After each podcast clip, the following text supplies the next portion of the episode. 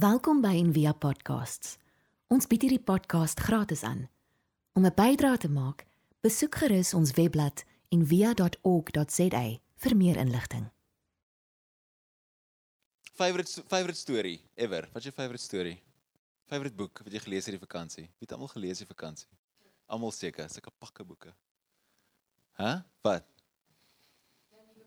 My nuwe boek wat ek geskryf het. Dit was baie, dit is 'n kwaai boek en ek ek baie geraas. Uh favorite story, favorite boek. Een van my favorite boeke is ehm um, Captain Corelli's Mandolin. Wie het dit gelees? Nie die movie gekyk, die movie scrap, die boek. Jy moet die boek gelees. Dit was ook mooi, maar nie as jy die boek gelees het nie. Ja, nee dan. Of wat wat's wat's uit wat nie is Bird Box. Iemand al Bird Box gekyk? Wat doen hierdie? Daar's 'n franchise, ja. Is die memes beter as die movie?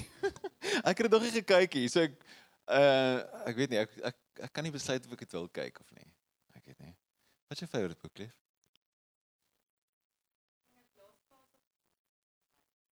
Glass Castle. Ja. Wat se ander een tegen gesit? Eleanor Olifant is completely fine.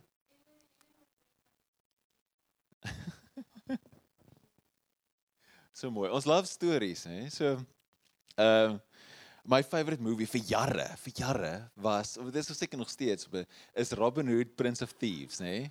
Daai daai movie? Is ek glo my movie is so bad as ek dit nou kyk, as ek sê my word is awful. Maar ehm um, met ehm um, as ek kan se naam Kevin Costner in. Ja, die enigste Robin Hood met Amerikaanse aksent en ek het so in Brittanje. Nie dit saak maak as jy 10 jaar oud is nie. Ons is net awesome. Dit is 'n coolste storie. Ons love stories. Ek dink ehm um, ons um, ons breine is letterlik beter opgeset vir storie, vir narrative as wat dit is vir logika, vir bullet points. So om stories te kan lees en stories te kan verstaan, dis dis ons lewe, dis hoe ons lewe. Ons leef in storie. Jy droom, as jy droom, droom jy in stories en hele lewe is eintlik hierdie een massive story. So ehm um, ja, ach, ek kan net oor die skrywer was wat dit gesê het nie, maar hy het gesê daar's eintlik net twee twee stories in die wêreld. As jy 'n storie wil skryf. Ehm um, die stories is 'n man gaan op 'n reis of 'n vreemdeling kom op 'n dorp aan. Dis die enigste twee stories wat bestaan. Elke liewe storie is een van daai. En Jesus se storie is eintlik beide daai stories, nê. Nee? A man goes on a journey and a stranger comes to town. So dis eintlik beide van daai stories. Se stories is vir my altyd super fascinating en in die week toe kan jy prep vir hierdie en uh, oor wat ons gaan praat. Ek tel ek weer hierdie ou boek van my op. Ek het hom jare terug gelees. Dink as 10 jaar terug. Ek het hierdie gelees. Dis ehm um, Donald Miller. Jy weet Donald Miller ken nie so half bietjie alweregse Christen skrywer in Amerika. En hier hierdie boek se naam is A Million Miles in a Thousand Years. Wat gaan oor what I learned while editing my life. En uh, waar die boek gaan is dit gaan oor hy het 'n ander baie bekende boek geskryf Blue Like Jazz wat seker my gunsteling Christen half non-fiction boek is. Ek lees dit elke jaar en ek lees ek Blue Like Jazz so een keer. En ehm um, toe het iemand na hom toe gekom en gesê hoor ons wil 'n movie maak oor Blue Like Jazz en toe begin hulle die die die, die draaiboek skryf en toe kom hulle agter maar sy lewe is eintlik regtig boring. hulle moet die, die hulle moet heeltyd ander goed bietjie fiksie inwerk om sy lewe meer entertaining te maak sodat dit 'n movie kan word. En toe wag hy sê dis hoorie maar dis eintlik nog regtig krap dat my lewe so boring is dat dit nie eers 'n movie kan maak nie en toe toe begin hy sy lewe verander en hy sê die storie wat ek leef is eintlik nie 'n goeie storie nie. So begin hy ander leef. Maar in hierdie boek ook, maar 'n storie oor algemeen is net soos 'n karakter wat iets wil hê en konflik moet oorkom om dit te kan kry. Dis is 'n storie. So iets wat jy wil hê en jy moet iets oorkom om dit te kan kry. Dis die basis van 'n storie. So ek weet vir ek het ek twee sommer cool stories, ware stories oor uh, mense. Ehm um, Julle almal ken vir Willem. Jy wat films maak wat ehm um, daai apartheid film nog maak? Waar hy vandag? Ah. Ja. ja. Ek dink hy's hy's op 'n skip op die oomblik of hy's op pad na die skip toe. Is hy nou terug op die oomblik? Ah. Ah, okay. Anyway, maar Willem gaan nou weer op 'n skip werk en uh, fotograaf wees op een of ander containerskip vir 'n jaar wat hy gaan rondreis en sulke. Hy het mos amper amper dood gegaan van die dors en amper dood gegaan van die sneeu ook in die in die in daai self toe op die hiking trip was in Amerika. Hy het eendag hier vertel hoe dit voel om dood te gaan van die dors en hy het letterlik uitgepas en bewusheid verloor dat iemand hom gered. Maar uh, so hy vertel hierdie amazing stories, maar daar's 'n paar cool stories. Ek sou net vir julle wil vertel want dit is awesome. Ehm um, hierdie ou oom, sy naam is Joshua Slocum. Weet maar weet iemand wie dit is?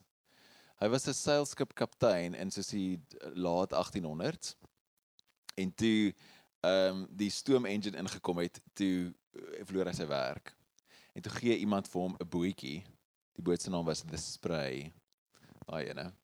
En toe vat hy en my spray kon nie kon nie uh vaar nie. Toe gaan hy stap hy self in die woud in met 'n byl, soos mense doen.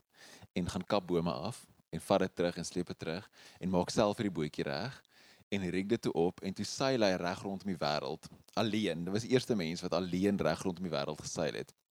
En hy hy het 'n boek geskryf ook uh, wat so klassiek is, Sailing Around the World, Sailing Alone Around the World. En uh hy vertel sulke cool stories in die boek van hoe hy daar 'n groep dolfyne saam met hom gegaan het vir 'n hele end en daar was babatjie dolfyn en toe het 'n haai gekom en hy wil die babatjie dolfyn vang en toe gooi hy hy bind 'n pan aan 'n tou vas en gooi die pan in die see in en bind die pan aan die ehm um, boot vas en dat die haai die pan gryp wat hy dink is iets blink en so en wat ek al die haai gryp toe die pan toe skiet hy die haai met sy revolver dood. so ek sê dis gewoon badass. Ek sê dis is baie cool. En hoe hy die hoe hy sy skipie gerig het dat dit vir I think iets is 2500 myl in een rigting kon stel sonder dat hy aan die ding raak, dat hy kon slaap. En dan vertel hy in die boek ook hoe hy ehm um, dan kom maar seerowers pirates na hom toe aan en dan gaan hy heeltyd dan spring op aan waai vir hulle, dan gaan hy onder die dek en trek hy ander klere aan, dan gaan waai weer vir hulle, dan gaan hy weer af en kom dan gaan waai weer vir hulle. Dan maak hy asof daar so 'n klomp mense op die skip is om hulle te laat weggaan. En ehm um, wat so cool, die coolste deel van dit is actually hy ehm um, hy het toe hy die boot gebou het, was hy 51. 51 jaar oud, hy besluit, dis dis wat ek nou gaan doen. Hier's my plan. Hier's my dis nou die storie wat ek wil hê, die avontuur wat ek wil hê. En dan ehm uh, een van my gunsteling, ek dink probeer 'n paar mense gunsteling Frank Lloyd Wright. Hoe my slides is lekker dan nie. Frank Lloyd Wright is 'n baie bekende argitek. Hy het hy het die Guggenheim gebou. Dis ek is sy bekendste gebou of ontwerp. En hy is ook sy hy het ook so 'n cool storie. Hy het besluit bestaan hy wil 'n nuwe huis bou wat soos 'n ehm um, 'n skool ook is waar mense kan leer van argitektuur. Toe besluit hy hy gaan dit in die in die woestyn bou. Toe gaan hy en twee of drie van sy studente en hulle gaan bly in die woestyn en grawe letterlik met met hulle eie hande uit die rots uit 'n plek en toe bou hulle hierdie huis. Ehm um, Taliesin of iets soos dit ek moet ek reg uitspreek nie sy huis se naam. En dis hierdie beautiful plek wat vandag nog bestaan, is vandag nog soos 'n argitekskool wat jy een kan gaan. En is regtig regtig amazing. Maar wat so incredible van af van is, hè?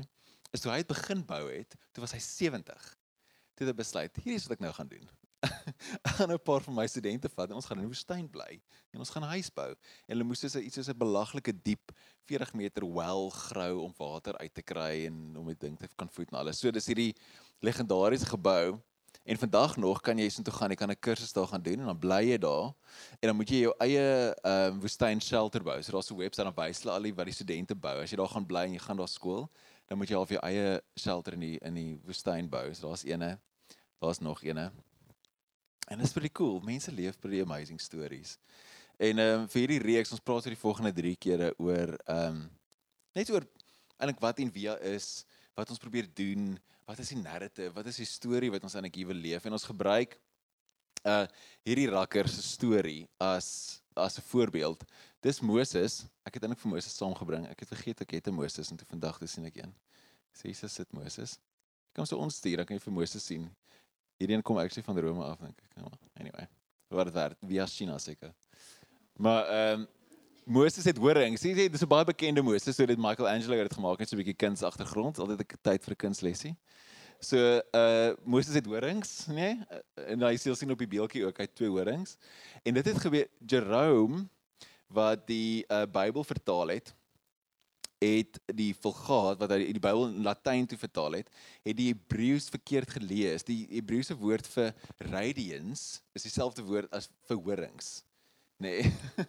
en toe die ehm um, toe hy die Bybel vertaal en hy wil skryf dat die, die Moses se gesig was radiant, toe skryf hy dat horings uit sy kop gegroei in die Latyn. So hy het 'n en toe Michael Angelo die beeld maak, toe moes hy die Bybel honor van die paus sê jy kan nie iets anders doen as wat dit sê nie want hier is die Bybel dis die onfeilbare woord en nou het Moses nou horings So dis wat ook gebeur as jy baie erg is oor onfeilbaarheid van woord, maar dis 'n ander teaching.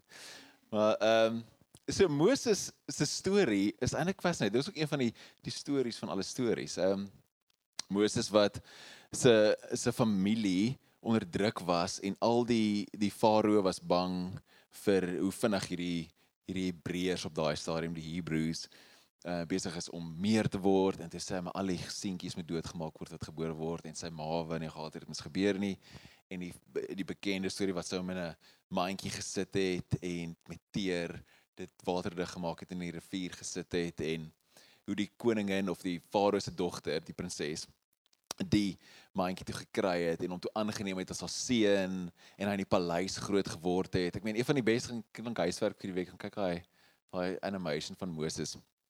Nou en nou hoe hy van daar af terwyl hy groot geword het in die paleis die een Egiptenaar vermoor het en hom net so onder die sand begrawe het, word hy 'n moordenaar en toe eendag toe hy 'n fight probeer opbreek tussen twee Hebreërs, toe sê hulle vir hom: "Maar wat gaan jy nou doen? Gaan jy ons ook so doodslaan soos daai jy daai ou doodgeslaan het?" Hy sê: "O, hel, nou is hy in die moeilikheid." Toe vlug hy in die woestyn in en ehm um, ontmoet vir Jethro, Jethro en trou met een van sy dogters en word 'n skaapwagter.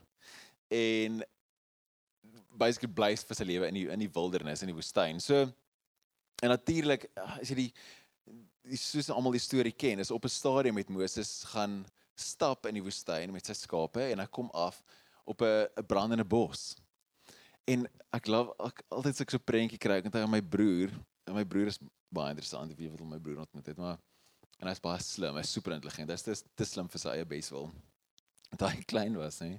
Toe moes ons in die sonnaskool met ons prentjie teken. Nou met 'n prentjie teken van die brandende bos, nê. En hy teken hierdie massive vuur en hy moet Moses in die bos teken en my ma sê dit vir my onthou dit sê vir hom, "Hoorie maar, waar's Moses?" Hy sê nee, hier is sy voet so op die kant. Hy kom nog aan. hy was nie lus om die hele ding te teken nie. Dit is nie sy. Net so, nou sy sy twin steek daar uit. Hy's op pad. So, ehm um, so wat so wat so beautiful is van hierdie storie, nee, dit eh, so dat ek vir die teks lees, is Eksodus 4. Dit sê toe verskyn die engel van die Here, so in Hebreë in Joodse geskrifte, as jy sê die engel van die Here, dan beteken dit ook die Here. Dit beteken nie net 'n actual engel nie, maar die engel van die Here aan hom in 'n vlam binne in 'n doringbos. Terwyl hy kyk, sien hy dat die doringbos aanhou brand, maar nie uitbrand nie. Nou die as jy kommentaar hieroor lees van die rabbies, dan sê hulle die hierdie ding van die doringbos, dit was nie vreemd vir die bosse om aan die brand te slaan nie, want dit was in die woestyn. En dit is hierdie oliebosse en hulle het spontaan ontvlam, so dit was possibly nie vreemd dat dat dit aan die brand is nie. Dit was nie die miracle nie. Die miracle was as jy teks mooi lees, dit sê terwyl hy kyk, toe sien hy dat die doringbos aanhou brand, maar nie uitbrand nie. Hey. So dink 'n bietjie as jy as jy sonne kyk na vuur, nee, vir almal hier wat aan die bosveld rondom 'n vuur gesit het of om 'n kampvuur en so, vir hoe lank moet jy kyk na die vuur voordat jy gaan agterkom, Marie, hier ding brand nie uit nie. Jy moet nog al 'n rukkie lank kyk. Dis nie vinnig gaan so, o, oh, okay, dis goed. Ja, jy moet 'n rukkie lank kyk. So die rabbi sê dat hierdie was nie dit was nie 'n wonderwerk nie, dit was 'n toets. Dit was 'n toets vir Moses dat God kon sien hoe bewus hy is van wat aangaan rondom hom. Hoe bewus hy is van wat besig is om te gebeur. En dan daarna, wanneer toe Moses dit opgemerk het, dan sê die engel van die Here of die Here sê vir hom: "Trek uit jou skoene want die plek waarop jy op staan is heilige grond." Nee. So nou is die ding. Was die grond heilig voordat Moses daar aangekom het? Dit is ja, dit was. Dit was nog die heeltyd heilig eintlik gewees. En wat interessant is in Hebreëus, die Hebreëse woord vir plek is makom. M A K O M, makom. En daai woord word om die beerd gebruik ook om God te beskryf. So wanneer baie keer in die in van die psalms vertaal hulle makom as God en ander kere vertaal hulle dit as plek. So plek en God het 'n link. Dis hierdie selfde tipe ding om te sê dat die alles is eintlik al reeds klaar heilig. Net omdat dit 'n plek is, beteken dit God is eintlik al klaar teenwoordig en klaar deel van dit. En wat interessant is van die Hebreëse spiritualiteit is klassieke Hebreëus, moderne Hebreëus het, maar klassieke Hebreëus het nie 'n woord vir spiritualiteit nie. Daar is nie so 'n konsep nie. Daar's nie 'n konsep van daar's 'n spiritual realm wat daai kant is en ons is hierdie kant en ons moet daai kant toe gaan nie. In Hebreëse thought, soos klassieke Hebreëse thought, Ou Testament, Moses tyd, daar dis alles is een ding. Alles is spiritual of alles is nie spiritual nie want alles is eintlik een. God is op hierdie plek. God en plek is dieselfde. God is nie verwyderd van hierdie plek nie. En daai is net ek meen net dit jy kan eintlik hier op 'n preek en seker dis die preek nê nee, want waar op plek is is daar God hy is deel van alles en alles is binne in hom daar's een ehm um, een midrash wat lees 'n midrash is soos 'n storie dis soos stories wat rabbies skryf maar dis die storie agter die storie of die storie tussen die lyne en dan sal hulle sulke kommentaar skryf maar dit is amper so 'n tipe spiritual fiksie dan sal hulle skryf en sê hulle toe God die wêreld gemaak het, het hy dit nie apart vir homself gemaak nie. Hy het 'n stuk binne in homself oopgemaak en daar binne in die hulle sê eintlik hy het homself geskeur en die skepping binne in homself gemaak. En sê en dit is wat Moses mee teekom op daai punt om te sê dat hy is alreeds in God se teenwoordigheid. Hy is bewus genoeg om te weet dat God is nog die hele tyd daar, dat hier iets aangaan wat anders is, daai tipe ding. En ehm um, wat wat so amazing is van hierdie oomblik is Moses het 'n narrative wat hy besig is om te leef, 'n storie, nê. Nee? En as ons kan dalk kan saamstem oor dit is eintlik nog 'n crappy storie. Hy eindig as 'n as 'n skaapwagter met 'n vrou, ek die teks sê uh sy vrou se naam was Sephora, beteken ehm um, twittering bird. En uh hy het eintlik 'n baie doodnormale gewone lewe wat en ek dink jy dink hoe voel jy was die prins in die paleis en nou is dit nie meer so nie nou is jy maar skaapwagter en lei daar saam met jou vrou in die woestyn. En uh, hier nooi God hom in in 'n nuwe narrative in in God se storie in. En ek dink dat dat God hom innooi na dit wat reeds is as dit sin maak. Om te sê maar hierdie plek is reeds heilig. Om God om in te nooi in hierdie bewustheid in van ek kan sien jy is bewus. Ek kan sien jy sien die bosbrand nie uit nie, maar ek wil jou innooi in iets wat groter is. Ek het jou nodig om iets te doen in my storie in. En die teks wat ons gelees het nou in die liturgie wat sê dat God het gehoor die die hulp van die die hoe die Israeliete of die Hebreërs, die Hebreërs uitgeroep het om hulp en hy het hulle gehoor en hy het hulle jammer gekry en hy het begin beweeg en na hulle toe gegaan. Wat altyd vir my so beautiful is van daai teks is om te sê dat God die Israeliete roep nie tot God nie. Hulle kerm net, hulle skree net in pyn. En God hoor dit en hy begin beweeg en hy roep Moses en hy sê word deel van hierdie narrative. Soos word deel van hierdie storie van wat ek besig is om te doen. En ek dink daai, nê, hierdie hierdie ding van God se storie, die storie van die Bybel is wat ons almal ingenooi word. En wat God ons almal na toe innooi, net soos Moses toe ingenooi is. Hierdie storie van dis dis reeds heilig. Hierdie plek is reeds heilig. Trek jou skoene uit. Dis reeds dan. By Envia sê ons ons is op reis op pad in die heelheid. Nê, alreeds heel en die ontdekking van ons eie heelheid, van ons eie self in God. En dis wat ons op ingenooi word. En ek dink ons vertel onsself baie keer oor spiritualiteit en die tradisies wat baie van ons uitkom of ken of so, vertel regtig crappy stories oor religion en geloof en goeders wat sê as jy hierdie goeders doen, dan is jy in en dan mag jy hemel toe gaan. Nê? Nee? Of hoeveel hoeveel dit kere van die storie is basically al wat jy moet doen is hierdie jy moet hierdie glo, dan kry jy 'n kaartjie en dan moet jy net wag. Want dan eendag gaan jy hemel toe. Jy moet nie daai kaartjie verloor nie. As jy nie moeilikheid. So jy moet net daai kaartjie hou en dan dan gaan jy eendag hemel toe. En dis kan dit die narrative. En ek weet daai vir my, ek dink dis regtig 'n boring storie. Dit is so awful. Ek ek, ek kan nie eens meer vervelig dink as ons sit en wag nie. En ek dink vir my in in my eie soos net in my eie lewe en my eie narrative was dit soos my die storie wat ek myself probeer vertel het tot hier so in my middel 20s was regtig swak. En op 'n stadium het ek net gekom en al wat is al wat ek die besluit ek gemaak het was iets soos nou soek ek net ek soek net waarheid. Ek soek net 'n nuwe narrative. Net iets om deel te van kan word. Iets wat my kan meesleer. Want dit voel altyd vir my of dit het altyd vir my gevoel my lewe is altyd hierdie stroom op stryd. En ek is dit moeg voor. Ek kan nie meer dit doen nie.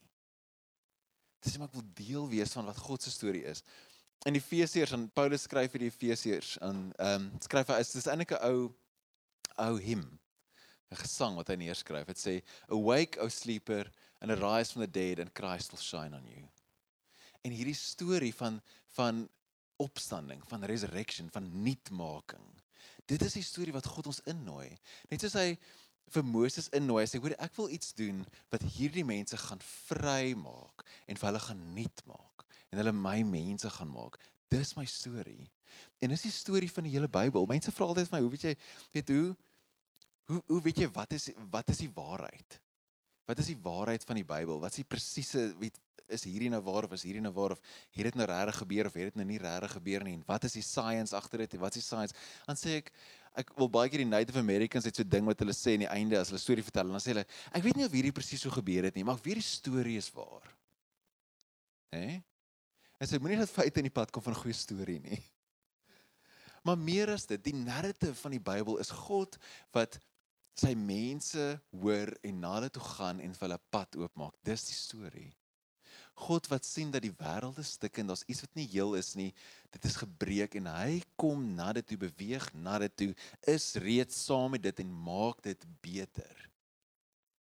Die hele idee van iets wat sleg was en beter word is 'n nou dag sê ek vir iemand anders dis 'n dis so lineêre tyd is so Christen idee.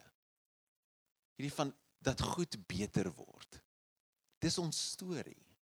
Dis wat God die hele tyd vertel van wat ek wil doen. Ons gaan na 'n punt toe. Die onthou jy die begin 'n karakter wat iets wil hê en dan konflik moet oorkom om dit te kry. God self is ook 'n karakter in daai storie. En dit sê maar ek wil daar uit hier's waar ons heen gaan.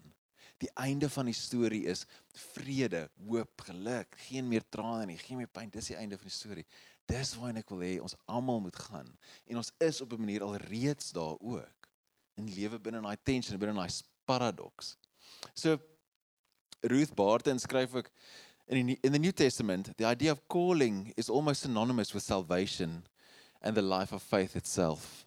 We are saved from being who we are, not and called to be who we are. Om eintlik weer deel te word van daai storie. En dis die vraag wat ek en ek het almal weer wil los. Dis en vir hierdie jaar en vir ons ook as 'n community saam is is wat 'n storie leef ek? Wat 'n storie is ek besig om myself te vertel oor my lewe? Want ons lewe nogal dom stories. Ons lewe regtig swak stories mense van die tyd.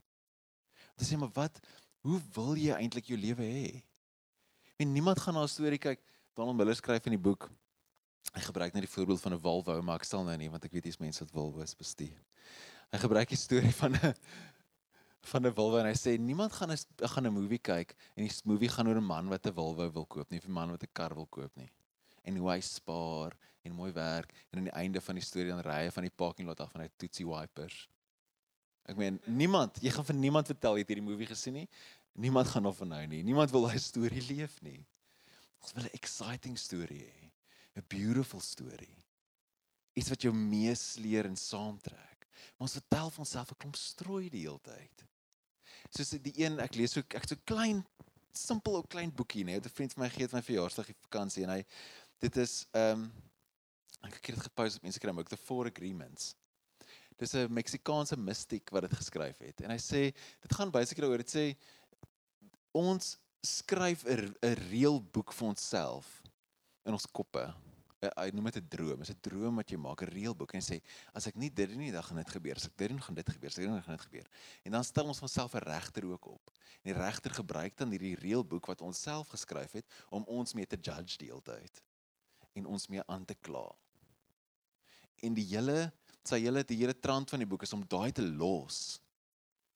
En te sê maar ek gaan nie meer daai daai reëlboek is nie die waarheid nie. Soos wat ons gesing het aan die begin van wat sê ek oor myself, maar wat sê God oor my? Wat is sy storie wat hy sê oor my? Wie ek eintlik is? en om deel te wees van dit. I mean, wat is meer exciting as om deel te wees van die herskepping van die hele skepping? Dit is dis 'n narrative wat ek wil deel van wees. Dis iets wat ek wil doen. Om te sê ek is hier deel van 'n gemeenskap mense wat sê ons missie is ons wil staf beter maak. Ons wil hê mense moet gesond lewe. Ons wil hê mense moet hulle eie heelheid ontdek. Ons wil hê mense moet hulle self sien soos God hulle sien. Dis wat ons gemeenskap doen. Dis die is God se storie. Dis waarna hy ons innooi. Dis waar Jesus ons innooi die hele tyd sê kom saam met my hierdie, dis die storie. Maar ek wys jou wat die lewe is. En daai maak my opgewonde. Baie meer opgewonde as ek 'n kaartjie in gaan hemel toe en jy mag nie want jy het nie dieselfde kaartjie nie. Baie beter narrative. Baie beter storie om te leef. En dis dan die dis dan die vraag om wat is jy wat is jy van deel? So ek wil vir julle ek wil vir julle so 'n video wys en ek probeer nou die onderskrifte is regtig regtig klein, nê. Nee? So ek hoop jy kan dit sien. Anders laat jy net na die tyd vertel waar dit gaan ook. Dis nou ongelukkig nie in Afrikaans of Engels nie. Ek het dit op 'n vakansie opgespoor en dit is so cool. Maar ehm um, as jy so 'n bietjie nader kan staan of kan ek kyk kan jy sal dit sien. Maar is 'n storie oor 'n sled dog team en 'n klomp wolwe. En is 'n ou wat 'n sled dog 'n sled dog team het en dan 'n storie vertel oor wat hy dink die gesprek is tussen die span honde en die en die wolwe op die heuwel. Dit is my amazing storie want soveel ek dink ons kultuur baie keer leer vir ons wolfpack, wolfpack, wolfpack, né? En toe ek hierdie eerste keer sien, dis ek sê sled dog team. Toe ek die gee jou vryheid op storie jy by die avontuur kan gaan. So ek, damn it, dis ons storie. Nee, en dis wat stilte is. Daai continually oorgee opgee van jouself, jou valse self, daai en hierdie vryheid wat so mooi lyk, maar nie eintlik mooi is nie. Waar jy gejag word en honger is en nie 'n huis het nie en van die scraps af leef en hier kan jy deel wees van hierdie span en iets trek en iets doen en avonture toe gaan en 'n purpose en belong en dog ek, "Damn, hier is ons storie." How amazing is dit? So, net 'n laaste thought besluit hierdie jaar elke jaar aan die einde dan van die preek wat doen ons se dink acta non verba so ou wat ek ken, hy skryf elke dag so e-, e-posie en aan die einde van die e-pos staan altyd acta non verba, nê? Nee? Teken doen, nie praat nie, doen aksie. So in die aksie vraag vir hierdie week of so is, is, is wat wil jy hê? Want wat 'n storie wil jy leef? Waarheen wil jy gaan? Want dis die dis die begin van dit, 'n karakter wat iets wil hê. Nê? Nee? Wat wil jy hê? En wat moet dan gebeur sodat jy daai op daai journey gaan gaan? Wat is daai ding wat jy in plek moet sit? Wat is daai konflik wat jy oorkom? Dan groei die storie van daar af. Maar wat wil jy hê? Meeste van ons weet nie wat ons wil hê nie. Kathy my director sê altyd, desire is your ticket home. Dis wat desire is. Desire is dit wat God desire.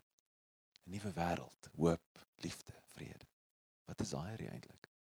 En dit maak wat jou storie is. So 'n karakter wat iets wil hê en konflik moet oorkom, moet ek kan kry. Dis dit. Ons bid saam hom. Dankie Here Jesus dat ons kan deel wees van 'n ongelooflike storie. 'n Grootste storie van alle tye. Here dat ons saam met U ons eie heelheid kan ontdek. Ons heelheid in U.